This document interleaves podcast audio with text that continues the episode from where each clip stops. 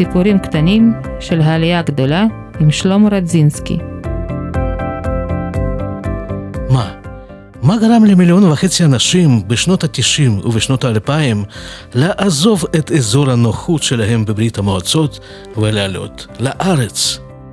תשמעו סיפור.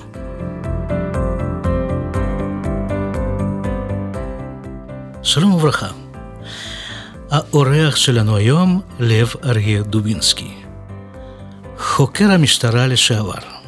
שלום אריה. שלום. כמה זמן עבדת כחוקר? שירתתי במשטרת ישראל קרוב ל-30 שנה. רוב השירות בתור חוקר התחלתי, אבל לא חוקר, התחלתי שירות בתור אה, סייר. מתי הגעת לארץ? עליתי ב-91. 91 זה אומר שישר מהמטוס כמעט אתה נעשה שוטר. כן, כמעט מהמטוס נסעתי ללשכת הגיוס של המשטרה, כן. ברוסיה גם היית עובד במשטרה? לא, ברוסיה בכלל, בכלל הייתי רחוק מהתחום הזה. לא הכרתי משטרה משום צד, ולא חשבתי ולא דמיינתי שאני אי פעם אהיה שוטר. מה עשית? ברוסיה למדתי, שירתתי בצבא סובייטי, כשחזרתי המשכתי ללמוד. מה למדת? למדתי באוניברסיטה של אה, תחבורה, זה נקרא. ואם היית מסיים את זה, מה, מה הייתה המקצוע? מהנדס חשמל של אה, רכבות. ואם אז ברוסיה, כשלמדת באוניברסיטה, היו אומרים לך שתהיה חוקר במשטרה בישראל, מה, היית מאמין בזה? הייתי אומר לאותו בן אדם שהוא שתה יותר מדי וודקה.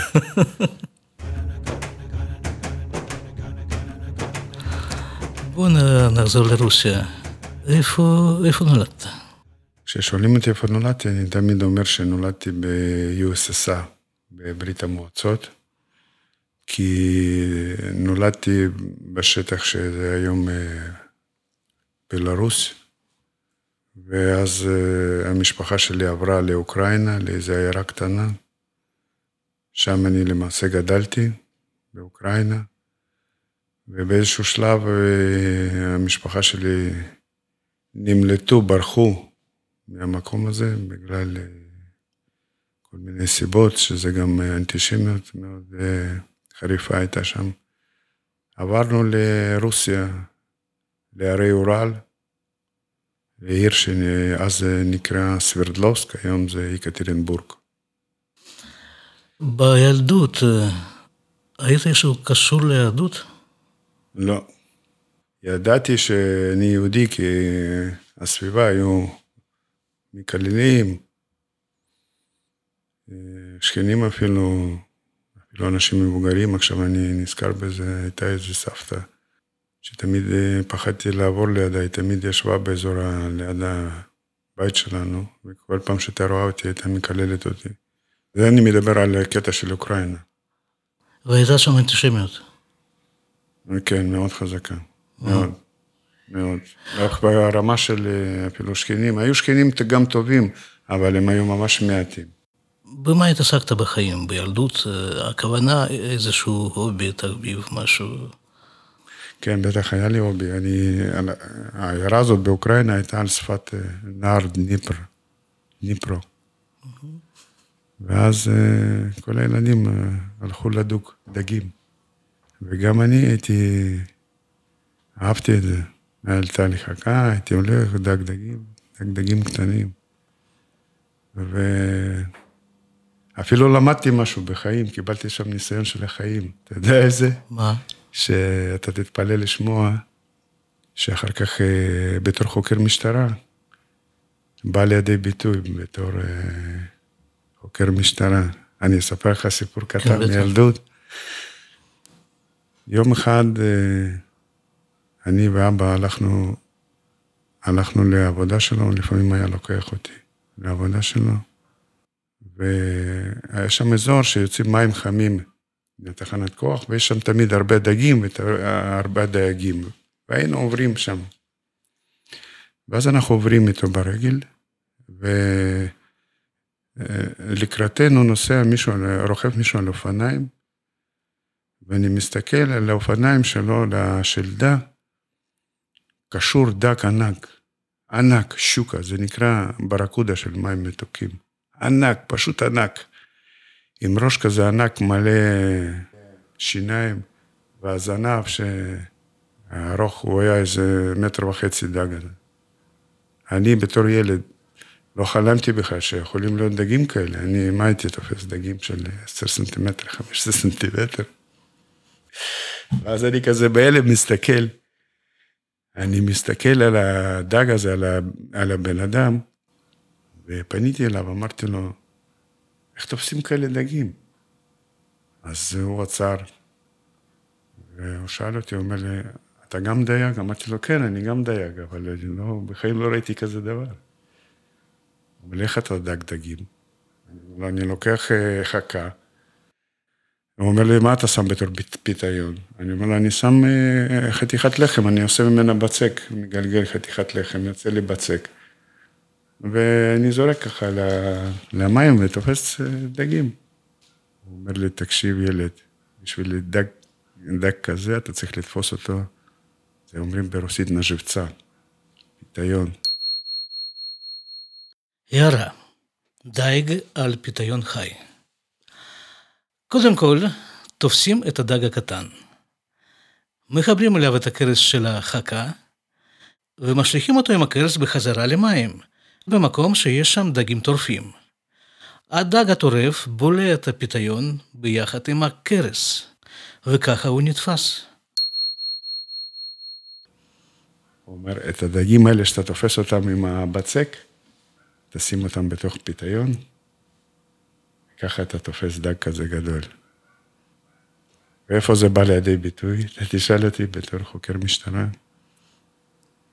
הייתי משרת אה, רוב התקופה שלי בימ"ר תל אביב, יחידה מרכזית, היא בתל אביב, מחוז תל אביב, שהיא מתמחה בטיפול, במלחמה בפשיעה מאורגנת, בארגוני פשיעה, והיה לנו צוות שטיפל אה,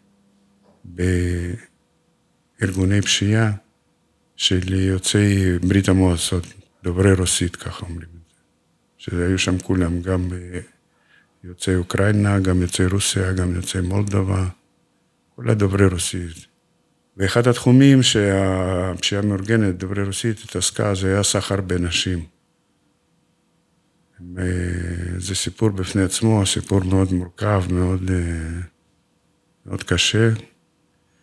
והצוות שלנו התמודד עם התופעה הזאת, והיה לנו תיק שהיה איזה סוחר נשים אה, מאוד ערמומי, מאוד אה, אכזרי ומאוד מתוחכם. והיה היה בעיה לתפוס אותו, לאתר אותו, כי הוא הבין שהמשטרה בעקבותיו, והוא, איך אומרים, ירד למחתרת. ואז uh, הייתה לי שיחה עם המפקד שלי, והוא אמר לי, uh, והוא ביקש ממני לעשות תוכנית uh, פעולה, איך לאתר אותו, איך לתפוס אותו. ואני, גם היה שם סיפור קשה של איזה בחורה, קורבן, שנפגעה ממנו. אני חזרתי הביתה, מלא מחשבות איך לקדם את החקירה, איך לאתר אותו, איך לתפוס אותו. ואז אה, זה קרה לי לא פעם אחת שאני חושב על משהו חזק, ואז אני בלילה, אני חולם חלום ואני רואה את זה. אני קם בבוקר, יש לי תוכנית בראש, אני כבר יודע מה צריך לעשות. קרה לי את זה לא פעם. וראיתי חלום כזה, חזרו לי הזיכרונות של אותו דייג עם, ה... עם הברקודה הזאת ענקית, שהוא אמר לי, אה, דגים גדולים תופסים עם, אה, עם פיתיון. ואז חזרתי למחר. פיתיון חי. פיתיון חי, כן. בדיוק, זה הקטע פה. ואז חזרתי ל... בבוקר, כשהייתה לי שיחה עם המפקד, הוא אומר לי, נו, יש לך תוכנית, מה אנחנו עושים? ואמרתי לו, תשמע, זה, יש לנו עסק פה עם בן אדם אה, לא שגרתי, הוא צריך פה משהו, צריך פה גישה שהוא לא רגיל אליה, אנחנו נתפוס אותו עם פיתיון חי. והוא אומר לי, טוב, תפרט מה... ואז uh, התוכנית שלי הייתה כזאת, לקחת uh, את הבחורה, כמובן בהסכמה שלה, היא הסכימה בסוף, לקחת אותה בתור פיתיון, ליצור, uh, הייתה לנו אפשרות ליצור איתו מגע ולהזמין אותו לפגישה, כביכול, אני התקשרתי אליו, הצגתי את עצמי גם בתור uh, איש עולם התחתון, בתור אדם שעוסק בסחר בנשים, ואמרתי לו שאותה בחורה היא ברחה ממנו, שאותה בחורה נמצאת אצלי, וזה היה, כאילו, זה פשוט היה המצב שהיה קורה הרבה, שבחורות היו בורחות מהסרסורים ומגיעים אה, לסרסור אחר. כאילו זה היה מצב טבעי, מההתחלה הוא לא רצה לדבר איתי, הוא חשד, הוא לא רצה לדבר איתי. אבל בסוף אה, זה היה התוכנית שלי, כי הוא הוא קנה את הבחורה, הוא השקיע הרבה כסף, והוא גם תכנן להרוויח הרבה כסף עליה, ופתאום זה ברח לו איזה 100 אלף דולר. הוא לא יוותר על זה בקלות. ואז הוא הסכים לבוא לפגישה, אמרתי לו, אני אחזיר לך אותה, תביא לי קצת כסף, אני אחזיר לך אותה. ופה הוא גם הפליל את עצמו, הוא התעצבן, למה אני מבקש ממנו כסף, ואמר, ואמר לי, אתה לא מתבייש, אני גם ככה קניתי אותה.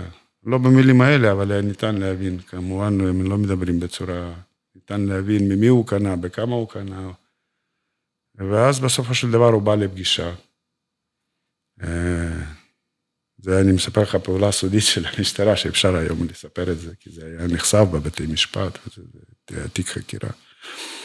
עשינו פגישה באיזשהו לא בבית מלון. הושבתי אותה בחורה ככה במקום שרואים אותה, כנראה, כמובן הכל היה מאובטח שם, והעובדים של בית מלון, והמלצר, והבלבוי, כולם היו עובדי משטרה שהיו לבושים במדים של, במדים של עובדי המלון, ובסופו של דבר הוא נפל לפיתיון הזה, הוא הגיע כביכול לאסוף אותה. אה, עוד פעם חזר בהקלטה, בפגישה, חזר על הדברים המפלילים, ממי הוא קנה, וכמה הוא קנה מהשותפים שלו, וכמה בחורות הוא קנה, משכתי אותו, איך אומרים, בלשון. וברגע שהוא חזר על כל ה... הפליל את עצמו, והכל מוקלט, מוסרט, אה, סימנתי ל... לאנשים, לצוות שהיה במלון, שאפשר לבצע מעצרים, ואז הוא נעצר. זה הסיפור שבא לידי ביטוי איך תופסים אה, דג גדול בילדות.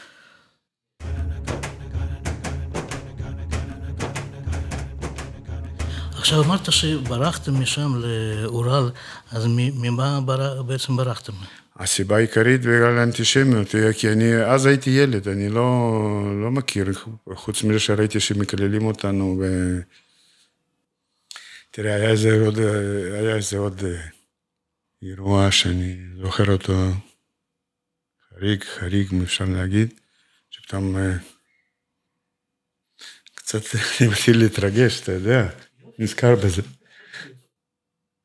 אתה מבין? אפשר להיות חוקר, ואפשר להיות אה, כזה, כמו שאני מתרגש.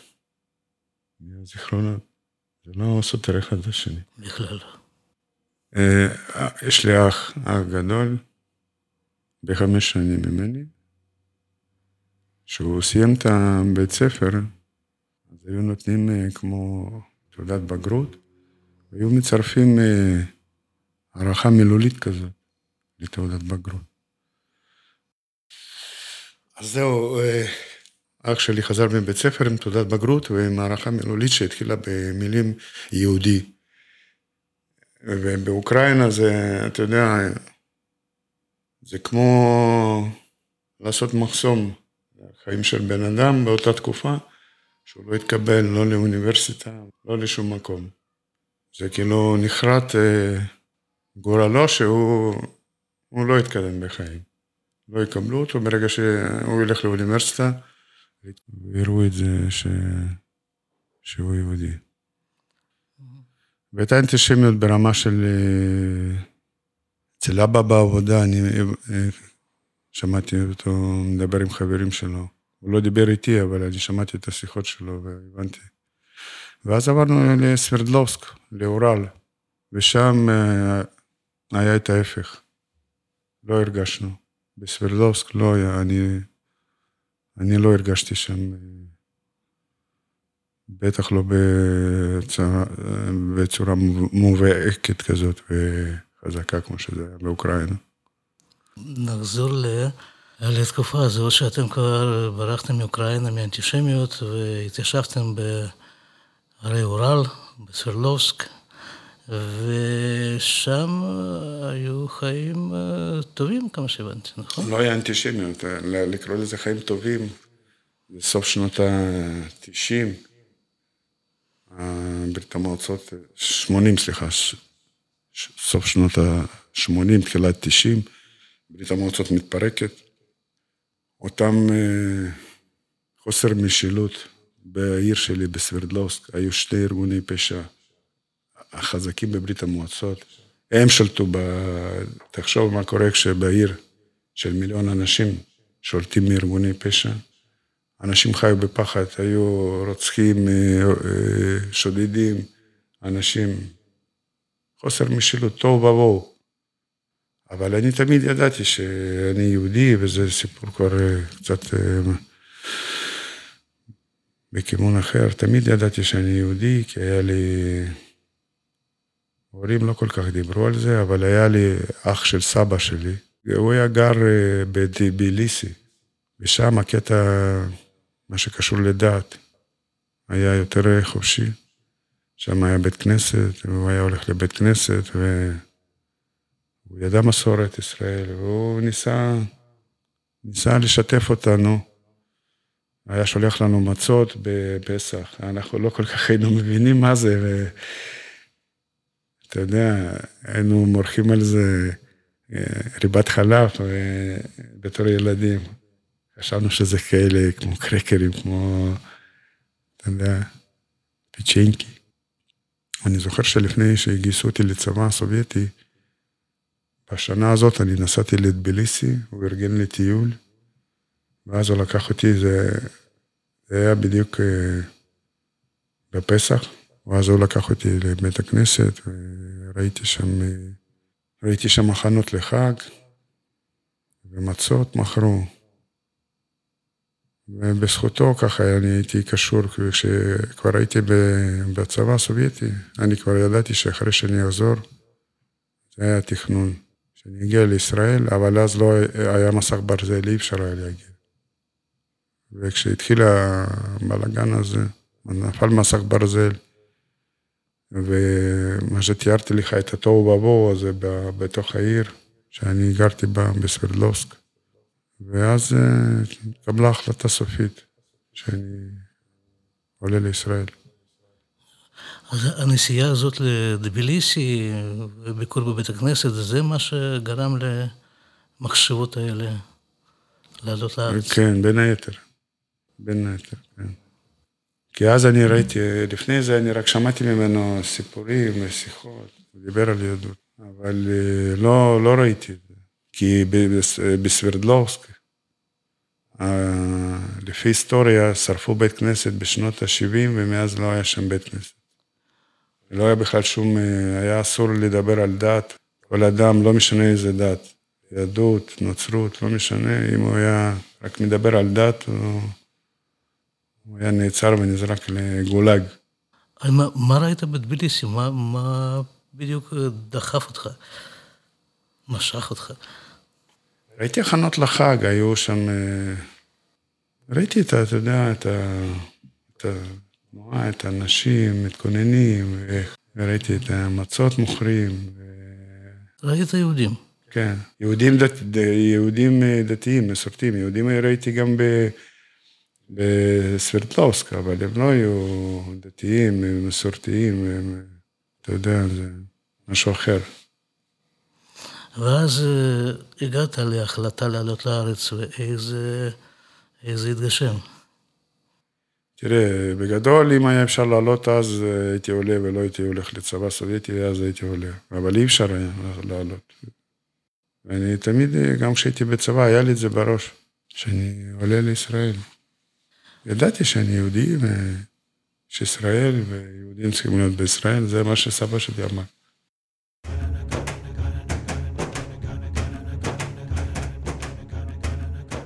סיפור של סבתא שלי, אימא של אימא. היא תמיד, אה, ידעתי שהיא הייתה חיה באורל.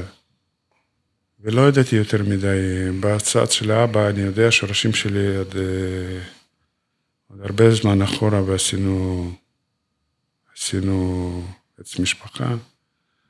ובסיפור של אימא זה, זה היה תמיד נעצר באיזשהו, אי אפשר לחקור את זה אחורה, שורשים. ואז אה, הסבתא לפני שהיא מתה, היא מספרת סיפור, אני מספר לך אותו בדיוק כמו שהיא סיפרה. היא מספרת סיפור, היא אומרת שהיא אה, היא הייתה חיה עם משפחה, שאני תמיד יודע שהיא חיה באורל, תבין איפה אורל ואיפה הים. היא מספרת ככה, היא לא יודעת יותר מדי פרטים כי היא הייתה ילדה, היא הייתה חיה עם משפחה, לה אבא ואימא והרבה אחים, הייתה חיה ליד הים. יום אחד היא ברחה, היא ברחה בשדה, היא שיחקה עם בובות והתחבאה הרחק מהבית. ואז היא פתאום שמעה צרחות וצעקות והיא הבינה שמשהו קורה. והיא פחדה והיא היא, היא ישבה בשקט, הסתתרה שם. ואחרי כמה זמן באו שכנים, חיפשו, מצאו אותה. הם אמרו לה ש... שרצחו את, ה... את האימא שלה ואת כל האחים, ואבא באותו זמן לא היה בבית. זה כנראה היה אחד הפוגרומים באותה, באותו אזור. והם לקחו אותה, השכנים לקחו אותה, הסתירו אותה אצלם, ו... אחרי זה חזר אבא, לקח אותה ונסע איתה להרחק מהמקום, שתבין איפה זה הרי אורל ואיפה הים. זה כמה אלפי קילומטרים. והוא השאיר אותה, השאיר אותה אצל משפחה אומנת. היא יודעת שקראו לו ליבה, והוא לא חזר מאז. הוא הבטיח לחזור ולא חזר, היא לא יודעת מה קרה לו. היא הייתה איזה בת חמש, שש, משהו כזה. היא גם אמרה איזה שם משפחה, חושבת שזה השם משפחה המקורי שלה. שתבין באיזה מציאות זה היה, זה היה מציאות.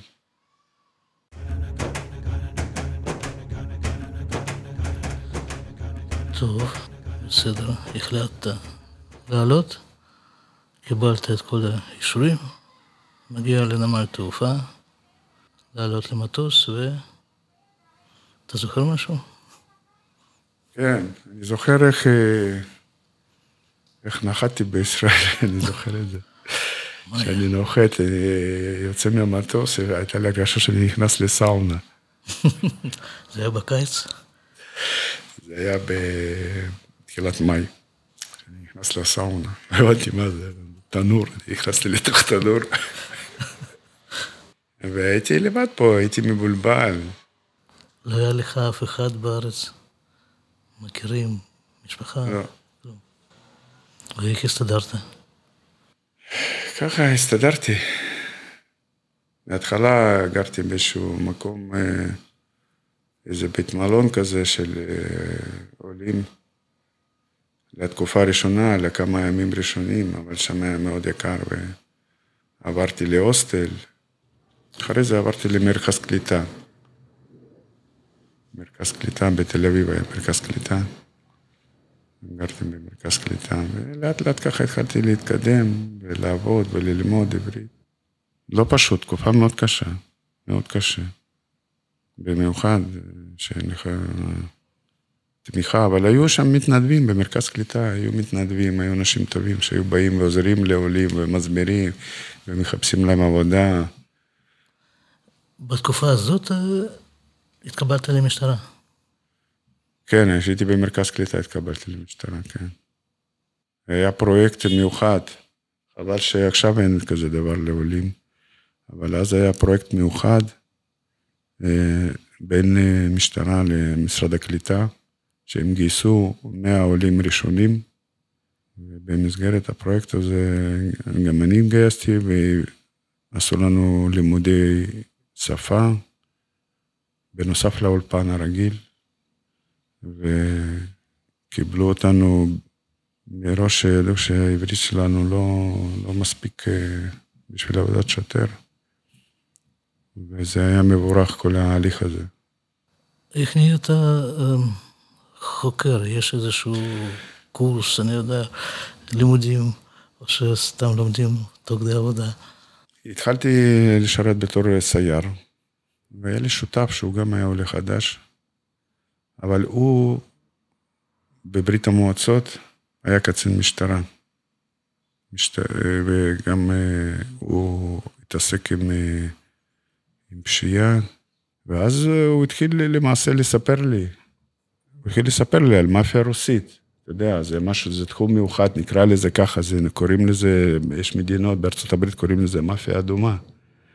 אבל עוד פעם, אני חוזר, זה כוונה לדוברי רוסית, זה לא אלה שבאו מרוסיה. זה כל אלה שבאו משטח של ברית המועצות ודוברי שפה רוסית. המאפיה הרוסית זה כל אלה שדוברי רוסית, זה מושג, מושג בינלאומי ידוע. אז הוא התחיל לספר לי שיש כאלה וור זקוני, גנב בחוק, וור זקוני, שזה התפקיד הכי בכיר במאפיה, ויש לו סגנים, סמטרשי, הצופה, והוא התחיל להסביר לי על קעקועים, המשמעות של הקעקועים. ואנחנו התחלנו ל...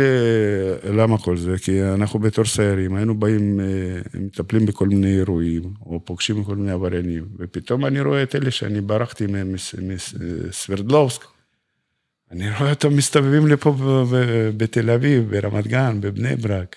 ממש אלה או כאלה, דומים? דומים, דומים, לא בדיוק, שם אני לא הכרתי אותם, שם הייתי רואה אותם מפחד, מתחבא מהם, אתה מבין? ראיתי אותם ברחוב מסתובבים, כל מיני כנופיות, דמויות מפחידות. פתאום אני רואה אותם פה, כל הדמויות המפחידות האלה מסתובבות לי פה ב... ב... בישראל. ובזכות אותו בן אדם שקוראים לו יגאל מורצון, חייב להודות לו, הוא הכניס אותי לידע. והבנה, וזה חשוב. בשביל לטפל בתופעה הזאת צריך להבין מנטליות, להבין... אה, התחלנו מההתחלה בתור סיירים טיפלנו בהם. אחר כך יגאל אמר אה, שהוא עובר לחקירות, מחפשים חוקרים שם דוברי רוסית, והוא עבר, השותף שלי עבר, הוא נהיה חוקר. ואחרי איזו תקופה, גם אני ביקשתי, הוא אמר לי, בוא תבוא נעבוד ביחד. יש פה הרבה עבודה, יש מעניין, יותר מעניין, יותר אתגר.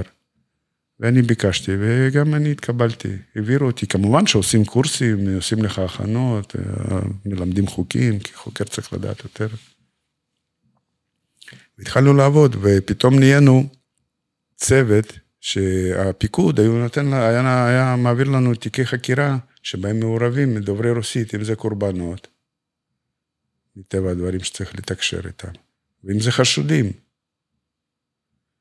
ואז אה, נהיינו כמו צוות כזה של אה, ייחודי כזה, שמטפל ב, ב, ביוצאי ברית המועצות. והיו הרבה כנופיות, והרבה, ובגלל שעברו לנו הרבה תיקים, והרבה אנשים, וחשודים, ועדים, וקורבנות, היה לנו הרבה מידע, הרבה ידע על מה שקורה בישראל. זיהינו שזה אה, עולה פה. צונאמי, הייתי אומר, צונאמי של פשיעה. ייחודית כזאת, שלא מכירים אותה, לא... שהיא מאוד אכזרית, שהיא מאוד מתוחכמת.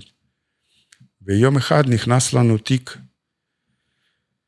עצרו איזה כנופיה עם, אה, שנסעו עם רכב BMW, ישבו איזה שלושה ארבעה חבר'ה בתוך הרכב, עם נשקים, עם מסכות, עם אה, אלות, עם אזיקים, הם היו חוטפים אה, אנשי עסקים דוברי רוסית, זה נשמע זה נשמע מאוד, אה, היום אה, זה לא קורה, לשמחתנו. אבל אז זה היה שגרה. הם היו חוטפים איזשהו בעל אה, מסעדה רוסית, או בעל איזשהו מעדניה רוסית. סוחטים אותו, או אנשי עסקים אחרים דוברי רוסית. ולמה עשו את זה? כי הם השתמשו במנטליות, הם ידעו שאותם קורבנות, הם רגילים ל... יש להם מנטליות של ברית המועצות ושל אותה תקופה, שאין משטרה, אין משילות, אין למי לפנות, הם לא יפנו למשטרה. ששם, אה, מה שהיה שם, ארגוני פשע החליפו את השלטון. הם היו שולטים. אז האנשים גם היו פונים לארגוני פשע בשביל להסדיר כל מיני עניינים. וזה מכירים, הם ידעו את המנטליות הזאת, ופעלו בקרב אה, דוברי רוסית. ואז זה היה תיק גדול. התחלנו לטפל בו, אבל מהר מאוד הבנו שיש פה אירועים בכל הארץ, ואנחנו לא מסוגלים, אה, לא מסוגלים לטפל בצורה מיטבית, כי בגלל אה, כמות של אירועים ועבודה. מתי זה היה בערך? זה היה 99. ואז התיק הזה, הפיקוד החליט להעביר את התיק הזה ליחידה מרכזית, אז לא ידעתי בכלל שיש כזה דבר, היא ליחידה מרכזית של מחוז תל אביב, שזו אה, יחידה שבהמשך הגעתי אליה. כי יש לה יותר אמצעים, היחידה יותר אנשים, יותר אמצעים, והתיק עבר, ויחד עם התיק שלחו אותי גם, כי אני הכרתי טוב את הדמויות, והיה לי מידע הרבה בתיק הזה. ואז עם התיק אני עברתי לשם, והתחלנו לטפל, והיה איזה כמה שבועות אה, מאוד אה, עמוסות של עבודה, והצלחנו, הצלחנו בתיק הזה, החשודים קיבלו כתבי אישום מאוד חמורים. היו אירועים בכל הארץ שחטפו אנשים. התיק הסתיים, ואחרי, יש תקופה, אולי שבועיים, קורא לי מפקד, אומר לי, תשמע, אנחנו קיבלנו הנחיה ממפקד מחוז תל אביב, שאתה עובר לימ"ר תל אביב, לצוות הזה שעבדת איתם. והוא ככה מסתכל עליי, קורץ לי עם העין, אומר לי, תשמע, אתה, אתה יכול לסרב, בכוח לא יעבירו אותך. אתה יכול לסרב. אני כמובן לא סירבתי, כי שם היה יותר, אה, בימ"ר תל אביב, היה יותר אמצעים. ממש טיפלנו שם בארגוני פשע, וזה מה שעניין אותי. אני רציתי להילחם בזה, אני ברחתי, ברחתי מ... מ אתה מבין, מברית המועצות, מסברדלוסק, אני בא לפה, ומה, אני פוגש פה עוד פעם, נחתו פה. היה פה מצב מאוד אה, קשה מבחינה הזאת. אנחנו עשינו סדר, עשינו סדר, ולא עניין אותי לא משכורת, לא כלום. לא קידום אפילו, לא עניין אותי. עניין אותי רק אה, להילחם בזה מתוך אידיאולוגיה, מתוך אה, להילחם, לחסל את זה. אני ממש לא רציתי שיקרה פה כמו שקרה בברית המועצות. ואת האידיאולוגיה הזאת אה, קיבלת שם, בסרדוסק. כאילו, כמו שאתה אומר, אתה פוגש אותם אנשים, אבל עכשיו אתם ב... כן, שם אה, לא, לא חשבתי על זה שאני הייתי במקום אחר, לא יכולתי להתנגד להם, להילחם בהם, אתה מבין? פה אני הבנתי שאני משפיע. אני משפיע על המצב, אני... אני אתן לך גם דוגמה, היה... הייתה תופעה מאוד קשה בישראל שנקראת סחר בנשים, סחר בבני אדם. שזה נבע מכמה סיבות. אחת הסיבות זה חוסר חקיקה, לא, היה, לא הייתה פה חקיקה, לא היה פה חוק של, זה מטורף להגיד את זה, אבל לא היה פה חוק של סחר בבני אדם. כאילו, אתה מוכר בן אדם, אין חוק שאוסר לך למכור בן אדם. לא היה כזה חוק, זה מטורף. החוק הזה חוקק רק בשנת 2000. ואז בגלל חוסר חקיקה, היה פה גם תוהו ובוהו בעניין של סחר בבני אדם. ארגוני פשע בינלאומיים התעסקו בזה. הם היו מגייסים נשים בפריפריה של ברית המועצות, מפתים אותם, מספרים להם סיפורים. היו מרכזים אותם, אלה שנפלו במלכודת דבש, היו מביאים אותם למוסקבה, במוסקבה היו עוברים עוד פעם אה, מיון, איך נגיד את זה. ואז היו מחלקים אותם לכל מיני מדינות אירופה, כולל ישראל. מי שעמד בראש הארגון הזה, זה היה ישראלי. מבצע טרזן, אם שמעת, יש לו כינוי טרזן. דובר רוסית? כן. שתבין איזה אנשים היו קשורים אליו. היה אחד האנשים שנשפט יחד איתו ברוסיה, הוא נשפט ברוסיה ל-16 שנה. על סחר של 150 נשים, זה רק מה שהוכח, 150 נשים. השותף שלו היה דמיטרי סטריקנוב. הוא היה קצין בכיר במטה לריגול חוץ. הוא היה שותף שלו, הוא היה מארגן לאנשים אה, מסמכים, כי חלק היו בלי מסמכים, כדי שיוכלו לצאת אה, לחו"ל. וגם, זה נשמע מטורף, אבל זה מה ש...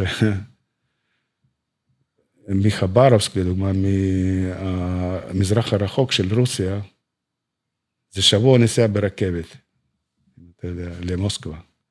אז בשביל לקצר את הזמן, במטוסי תובלה אה, צבאיים, הם היו מעבירים משלוחי נשים למוסקבה. זה, תראה איזה ארגון זה.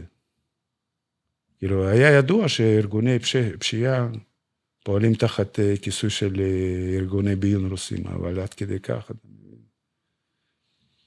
ואז אה, מה שהיה קורה, אחרי שהם היו מעבירים אותם במוסקבה, ביון, הם היו נשלחים למצרים, כי הם לא יכלו להיכנס בתור תיירים, לא היו מכניסים אותם בנתב"ג. היו שולחים אותם לאורגדה, למצרים. במצרים, בדואים, למה זה אה, ארגון בינלאומי? שתבין, יש לנו כבר רוסיה, מולדובה, אוקראינה, כל המדינות האלה שהיו מגייסים, ארגוני פשיעה מקומיים שמגייסים את האנשים, מעבירים אותם למוסקבה, לרוסיה, מרוסיה מטיסים אותם למצרים, שם במצרים פוגשים אותם אה, ארגוני פשיעה של בדואים, אוספים אותם, והם היו אמורים להבריח אותם אה, דרך גבול מצרים לישראל. כשאנשים היו מגיעות לבדואים שם, היו סיפורים מאוד קשים. היו מתעללים בהם, אונסים אותם. היו מקרים שהם היו נתקעים עם המשלוחי נשים האלה, היו נתקעים איתם במצרים, בסיני, בגלל, סתם דוגמה, יש עכשיו פעילות של צה"ל בגבול, או איזושהי מתיחות עם עזה, ואז הגבול אה, נהיה בעייתי, הם לא יכולים לעבור אותו, ואז הם צריכים להמתין בתוך סיני, בתוך מדבר. ואז היו מחביאים, מכניסים את הנשים האלה לבורות, ככה הנשים מספרות, זה מתוך עדויות של אנשים, היו מכניסים אותם לתוך אה, בורות של אה, בורות כאלה, ככה מתארים כמו מערות, בורות, והם לפעמים נתקעו שבועות שם. בקושי נותנים להם שתייה ואוכל, זורקים להם איזה כמה פיתות ובקבוק מים. ולנשים זה מאוד קשה בתנאים כאלה, מטבע הדברים. ואם היו כאלה נשים שניסו לברוח וניסו, דרשו לחזור, אה, סיפרו שהם לקחו אותם לצד והם שמעו יריות ולא ראו אותם יותר. הם לא חזרו. וכל הבדואים היו שם חמושים בקלצ'ניקובים. אחרי שהיו מבריחים את הגבול, אז הארגונים הישראלים היו פוגשים אותם, שהיו שם כולם, גם רוסים, גם אה, ישראלים מקומיים, היה שם מגוון, מגוון עבריינים, הם היו פוגשים אותם, אוספים אותם, מביאים אותם בבאר שבע בדרך כלל לכל מיני דירות כאלה, ושם היה מתבצעת אה, מכירה פומבית. אלוהים ישמור להגיד כזה דבר. ויש לנו אפילו פעם, אה, סוכן שלנו נכנס לתוך הארגון הזה ותיעד את המכירה. יש אפילו זה מצולם. איך הם יושבים שם אה, באיזה דירה, וכל אחד קמה ומסתובב ובוחרים סחורה בסוגריים. וסיפורים מאוד קשים על סחר בנשים, וישראל הייתה בין המדינות המובילות בתחום הזה לצערנו, וקונגרס אמריקאי ו State Department אמריקאי הכניס אה, ישראל לרשימה אה, שחורה. והגדיר אותה כמדינה שלא נלחמת בסחר בנשים, מבצע במדינה סחר בנשים, בבני אדם. שתבין, זה, לידינו ברשימה היו בחריין ופקיסטן. אנחנו מעמדנו באותה שורה הלא מכובדת, עם בחריין ופקיסטן מבחינת התופעה אה, הזאת. ואז בשנת 2000 חוקק חוק של סחר בבני אדם, וצוות שלנו בימ"ר תל אביב קיבל משימה לטפל בתופעה הזאת. אנחנו טיפלנו באיזה 80 אחוז מתיקי סחר בנשים בכל ישראל, ונכנסנו בהם בכל הכוח, כי לנו, נהיו לנו כלים חוקיים. זה גם, אה, גם אה, עונש מאסר מאוד אה, כבד, 16 שנה, והם חוטפים. גם חילוץ של כל הרכוש שהושג בעבירה הזאת. ואז נלחמנו בהם כמה שנים, אה, עבודה מאוד מאומצת, וכרגע זה לא קיים, וצוות שלנו קיבל הוקרה, אנחנו קיבלנו עיטור על מאבק בסחר בבני אדם מכבוד הנשיא שמעון פרס, ועשינו את שלנו. עשינו את שלנו, והתופעה הזאת בכלל, כל הקטע הזה של... אה, אפשר לדבר על זה, יש הרבה, הרבה מה לספר על המאפיה הרוסית בישראל. זה רק חלק, מה שסיפרתי לך על סחר בנשים, זה רק חלק. יש עוד חלקים, ואני אגיד לך בשתי מילים, היה מכתב של בשנות ה-90, היה מכתב ששלחו FBI לישראל, שבו נאמר שמאפיה רוסית מהווה איום אסטרטגי על מדינת ישראל, והיה פה מבצע מיוחד. כל זה אני מפרט בספר שאני כתבתי, אבל לא הוצאתי אותו עדיין, אני צריך להוציא אותו. כל הסיפור הזה של סחר בנשים ו... ומאפיה רוסית בישראל, יש לי את זה כתוב, אבל אני בינתיים אה, בקשיים להוציא את הספר, אני מקווה שיום אחד אני אוציא את זה. ואז אפשר לדעת יותר פרטים. וכאן אה, צריך אה, לציין שיש לך בלוג, כן? שאתה שם אה, גם מספר את הסיפורים כאלה ואחרים.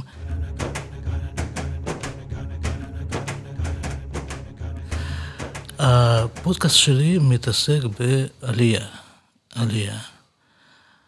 יש עלייה המונית, שכמה מיליון וחצי אנשים הגיעו לארץ מברית המועצות לשעבר, תוך זמן קצר, ויש עלייה אישית.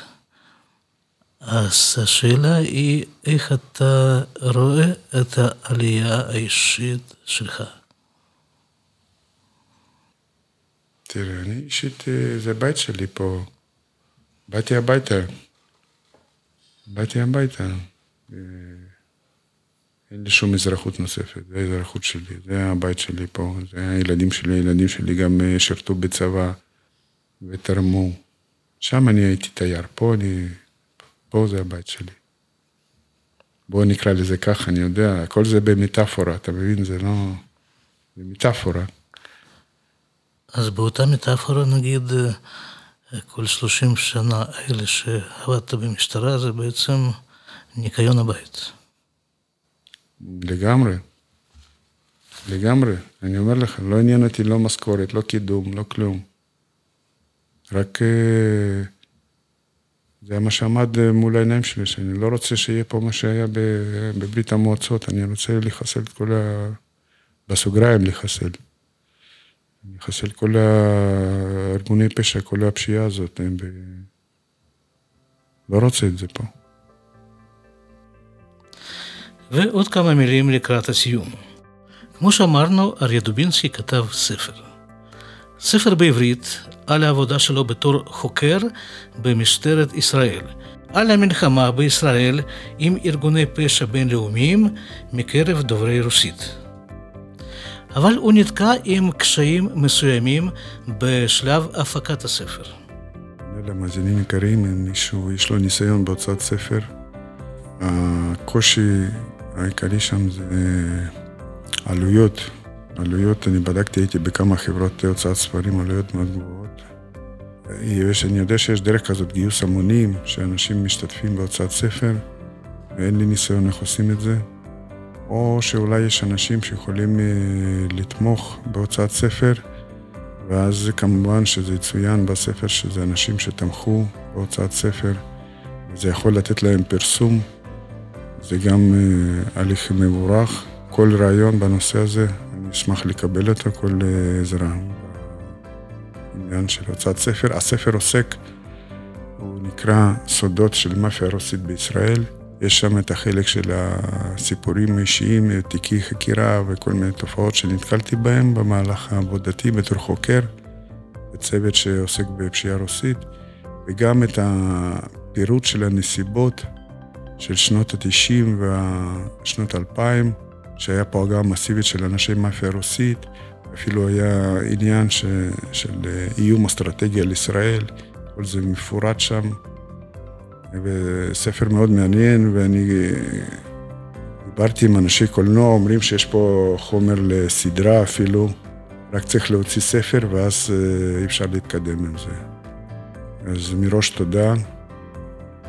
והפרטים בעניין ההתקשרות עם הלב אריה דובינסקי בנושא הספר, בנושא תמיכת הספר, בכל נושא אחר, בעניין ההרצאות שהוא מעביר גם כן, את הפרטים שלו אתם תמצאו בהערות לפרק הזה. תודה לכם שהייתם איתנו, תודה שהקשבתם. אפשר להאזין לכל פרקי הפודקאסט שלנו בכל אפליקציות הפודקאסטים.